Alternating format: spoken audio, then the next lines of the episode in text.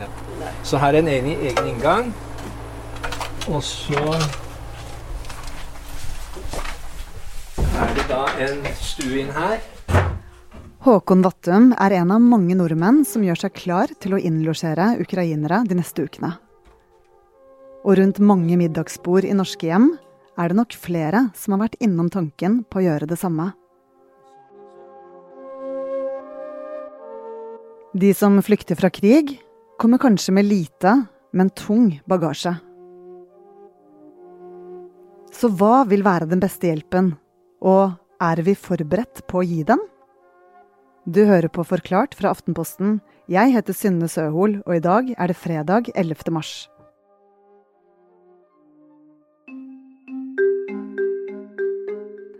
Olga Stokke, journalist i Aftenposten. Hva er det den norske regjeringen har gjort nå? De har gjort noe helt spesielt, uh, som ikke har skjedd siden uh, krigen på Balkan, på begynnelsen av 1990-tallet. De har gitt midlertidig kollektiv beskyttelse. Det betyr at de ikke trenger å behandle hver søknad individuelt. Så hvis man kan dokumentere at man er fra Ukraina, Ukraina så får man beskyttelse. Hvorfor gir Norge ukrainere den statusen? Det er nok nå fordi at uh, alt skjer fryktelig fort. Det kommer veldig mange flyktninger ut av Ukraina på kort tid. Det, jo, det skjer jo rekordfort. Norske myndigheter venter at det vil komme en strøm av ukrainske flyktninger også hit. Og så for å kunne håndtere det, så har man bestemt seg for å ta dette grepet, da. For å uh, slippe lang saksbehandlingstid. Og hvor mange flyktninger er det Norge kan vente seg? Ja, jeg snakka med direktøren i UDI her forleden, Frode Forfang. Jeg spurte hvor mange planlegger dere for? Uh, han Er det 1000, er det 30 000, er det 100 000? Og da sa han vi vet ikke. Men de, de forbereder seg på at det skal komme mange. For mer enn to millioner mennesker har allerede reist fra Ukraina, de fleste av dem til Polen. Men noen av dem kommer til Norge dette her som står to sto tomt, da. I tomter i Viken gjør Håkon Vattum klar en kjellerleilighet til en familie på tre. Skal vi da få en vaskemaskin, her er en dusj og toalett og sånt. Og så er det et, eh, er det en, eh, et soverom inn her. Så dette skal de få være for seg sjøl her, da. En mor og hennes to tenåringsdøtre reiste fra Ukraina til Romania og neste uke kommer de med fly til Gardermoen. Jeg har ikke treff, truffet disse tre, så det er bare Jeg har truffet han mannen deres, da. Så jeg håper hun, hun eldste der, hun er fotograf, 19 år og kan engelsk. Og søsteren hennes på 14 kan lite engelsk. Så jeg håper hun kommer inn på noen skole her, lærer seg engelsk iallfall, i Norge.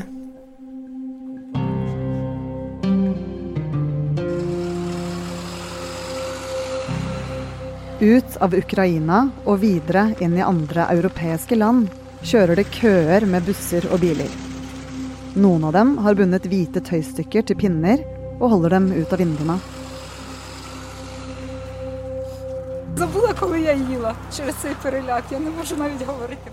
Olena sier hun ikke kan huske sist hun spiste, at hun er redd og bare må fortsette å gå. Hun har med seg en ryggsekk og et bærenett тяжелее с детьми, потому что им нужно объяснять, почему мы... Valeria Varenka har også reist i all hast fra Ukraina. Med seg har hun to små barn, og nå har de kommet seg til Ungarn. Hun sier det har vært vanskelig å forklare for barna hvorfor det ikke er trygt å dra hjem til leiligheten i Kiev.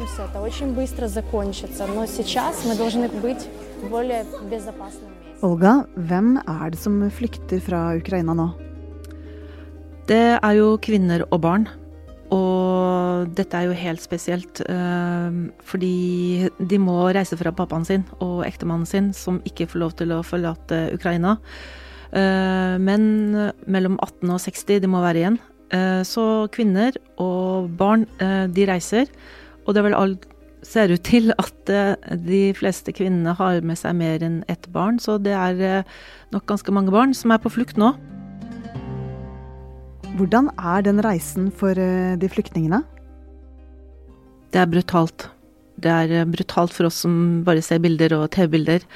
Å se på disse barna som klamrer seg til mødrene sine og ser opp på dem og lurer på 'mamma, er du hvordan går dette? Og så skal det være en mamma som skal se på barnet og berolige barnet med at uh, dette går bra. Men når mamma gråter og er fortvilt, så kan man jo bare tenke seg at uh, det er voldsomt. Og det er minner de vil ha med seg videre, også hvis de kommer hit til Norge. Hva er de største problemene de kan støte på, de som flykter? Altså, å være på flukt er jo farlig i seg selv. Det er eh, veldig uforutsigbart, alt det de, alt det de skal gjennom møte på veien. Uh, en ting er å finne transport og komme seg av gårde og ha en mat og sånn, men man vet jo aldri, på, aldri hvem er det man treffer på. Så hvis du hopper inn i en bil, eller du får tilbudt skyss, eller eller eh, Ja, det er ikke så greit å vite. Det vi vet, det er at eh, i sånne krisesituasjoner, i flyktningsituasjoner, så er det alltid noen som, eh, som har skumle hensikter, og som vil utnytte situasjonen. Og da er det særlig barn og sårbare personer som er utsatt. Så hvis, man, hvis, det er barn og enslige mindreårige som er på flukt alene, så vil jo de være spesielt utsatt. Og både FN og andre uh, humanitære organisasjoner advarer jo mot det her nå. Selv om uh, det kanskje er vanskelig å ha oversikt over det. Det er, jo, det er jo, ikke sånn som blir rapportert her. Dette skjer i uh, nattens mulm og mørke, for å si det på den måten. Hva blir disse familiene utsatt for, eller hva kan de utsettes for?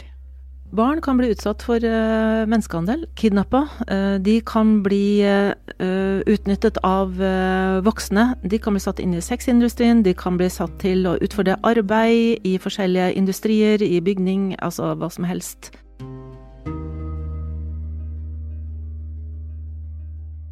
Nylig sa statsminister Jonas Gahr Støre til VG at han oppfordret folk til å ta imot flyktninger privat og flere kommuner ber nå folk om å melde ifra hvis de har ekstra plass hjemme. Men er det så enkelt? Og hvordan er det å bo med familier som har flyktet fra krig? Olga, nå er det rundt 1000 mennesker som kommer fra Ukraina til Norge. Hva er det som skal skje med de som kommer hit? Først så kommer de hit. Eh, noen har kommet allerede, og har, noen av dem har ikke registrert seg. Altså de har venner og slektninger her som de bor hos. Men eh, de fleste, altså norske myndigheter ønsker å eh, få alle registrert. Alle som kommer hit, de må registrere seg. Så jeg tror norske myndigheter ønsker å komme i gang med det i begynnelsen av neste uke. For å vite hvem er det som er i landet, det er viktig. Og så er det også for at de som kommer skal få mulighet til eh, de rettighetene som skole, barnehage, helse og alt det der innebærer, da. Og det krever lynrask organisering. Som igjen kan by på noen utfordringer. Det blir jo press på alt, på en måte. Alle, altså veldig mange må områ seg og uh, tenke nytt og omstille seg veldig kjapt kommuner, eh, skoler, de skal ta imot kanskje masse nye elever, barnehager, hvor er de, hvilke barnehager skal ta imot. Noen uh, har jo spesialbehov, sikkert, så det vil utløse uh, sikkert masse behov samtidig. Så det kan jo sikkert bli litt sånn krevende. Og i tillegg har ukrainere hatt en tøff reise. De har forlatt et hjem og en hverdag med jobber, klasserom, kjærester, venner og fedre. Og Belinda Ekornås, du er jo forsker og psykologspesialist i Nasjonalt kunnskapssenter om vold og traumatisk stress. Og i tillegg har du også jobbet i Ukraina. Hvordan påvirkes man av krig og flukt? Ja, Det er jo en situasjon der liv og helse er i fare. Og det vil jo sette i gang eh, mange reaksjoner. Og vi vil alle ville vi ha reagert i den situasjonen. ikke sant? Og det kaller vi traumatisk stress. Altså det at du opplever noe som er så voldsomt, og i dette tilfellet livsfarlig, eh, at eh, du setter i gang mange reaksjoner i hode og kropp. Og hvordan reagerer kroppen når man opplever traumatisk stress? Ja, det er jo en sånn eh, kraftig stressreaksjon, hvis vi kan si det. Sånn adrenalin, altså hormon blir utskilt som gjør at du blir klar til å flykte eller å slåss, ikke sant. Det er det vi skal kunne gjøre i en sånn situasjon. Og det påvirker eh, aktiveringa i kroppen, slik at du blir veldig urolig. Eh, fordi at du skal bevege deg, du skal av gårde, du skal unna dette som er farlig. Eh, det påvirker også måten du eh, tenker på. Ikke sant? Du blir eh, opptatt av fare, og du det å huske ting kan bli vanskelig, fordi at rett og slett overføringa fra hukommelsen inn i langtidshukommelsen blir, blir påvirka. Så det der å organisere seg, det der å få med seg ting, kan bli påvirka.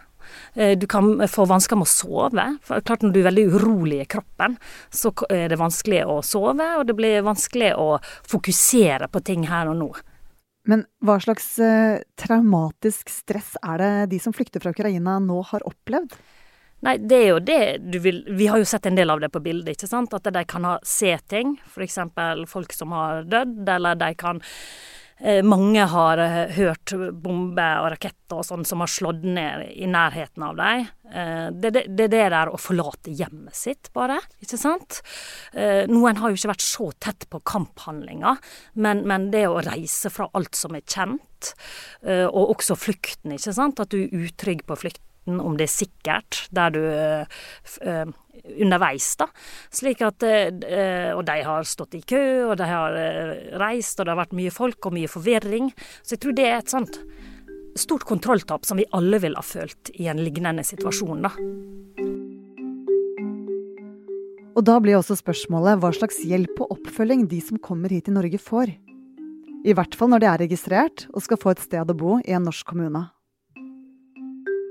Kommunene har jo ulik måte å organisere seg på, men det de fleste kommuner har, er jo et psykososialt kriseteam som er vant til å hjelpe folk i krise.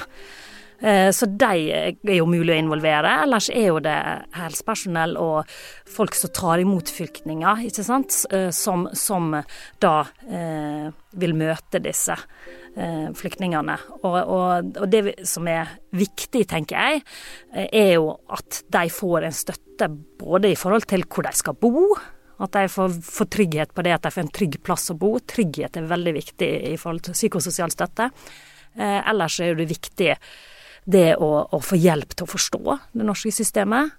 Men også det å få vite litt om reaksjonene som skjer eh, i kropp og hode, da, og at det er normalt. Mange av dem er jo barn, og hva vet du om hvordan de reagerer på sånne opplevelser? Ja, barn reagerer jo eh, med samme reaksjoner som voksne. altså Kan ha konsentrasjonsvansker, søvnvansker, bli redde, bli mer eh, opptatt av å være nær den forelderen som er der, eller den omsorgspersonen som er der. Bli, bli redd for å slippe dem ut av syne og sånne ting kan være vanlig. Men det som er med barn, er at de pendler mye. De går altså inn i det som er vondt og vanskelig, og det, det de er bekymra og redd for. Og så går de ut og inn i her og nå og lek. Og den der pendlinga er veldig viktig, og for så vidt også for voksne. Så det der at en får lov å komme tilbake til noe som er normalt, tenker jeg er veldig viktig til for både barn og voksne. Altså rutine, eh, noe som ligner på en hverdag, da. For det er jo akkurat det som blir tatt fra deg eh, hverdagen. Så det å få lov å begynne på skole, få fritidsaktiviteter kanskje, det er viktig. Altså at de får lov å være Dette er jo helt vanlige barn og unge også, det må ikke vi glemme. De har opplevd noe som er veldig voldsomt og heldigvis unormalt. Og det har de helt normale reaksjoner på. Men, men dette er barn som har behov for det samme som uh, norske barn har behov for. For de som nå vurderer å melde fra til kommunen og si at man har plass til folk, hva er det de bør tenke på? Det må jo en tenke nøye gjennom, det er jo en stor beslutning, sånn som andre store beslutninger. Og disse, de, de som kommer, trenger jo nettopp forutsigbarhet, trygghet, stabilitet. Så en må jo vite at dette kan være noe som kan vare litt over tid. Så det må jeg være forberedt på til, til, de får en annen bolig. Jeg må tenke litt over at jeg har en plass. Det er jo viktig at folk som kommer og har opplevd voldsomme, dramatiske ting. At de har mulighet til å trekke seg litt unna, at de kan eh, skjerme seg. Altså, hvis eh, en har vært oppi en livshendelse og, eller vært veldig under stor belastningsstress, så vet jo en det der at en får veldig behov for å skjerme seg. Ha det stille og rolig, f.eks. Eh, fordi at en, en reagerer mer på lyder og Eh, blir fortere aktivert da, i kroppen og hodet av eh, bråk og lyder. slik at det, Hvis en er en veldig travel småbarnsfamilie med kanskje ikke så mye plass, så er, er, det kanskje ikke selv om, Så er det kanskje mange andre måter en kan hjelpe på. For det er mange måter å hjelpe på. Det der med å være en god nabo, inkludere folk i i fritidsaktiviteter. Dra over på besøk med middag. Eh, si velkommen. Eh, altså det der å få folk til å føle seg trygg og ivaretatt og sikre her i Norge, da. Det er jo kjempeviktig. Så, så, jeg må jo vurdere Det er veldig mange ting folk kan gjøre, tenker jeg. Eh, så må en vurdere hva en har kapasitet og mulighet til.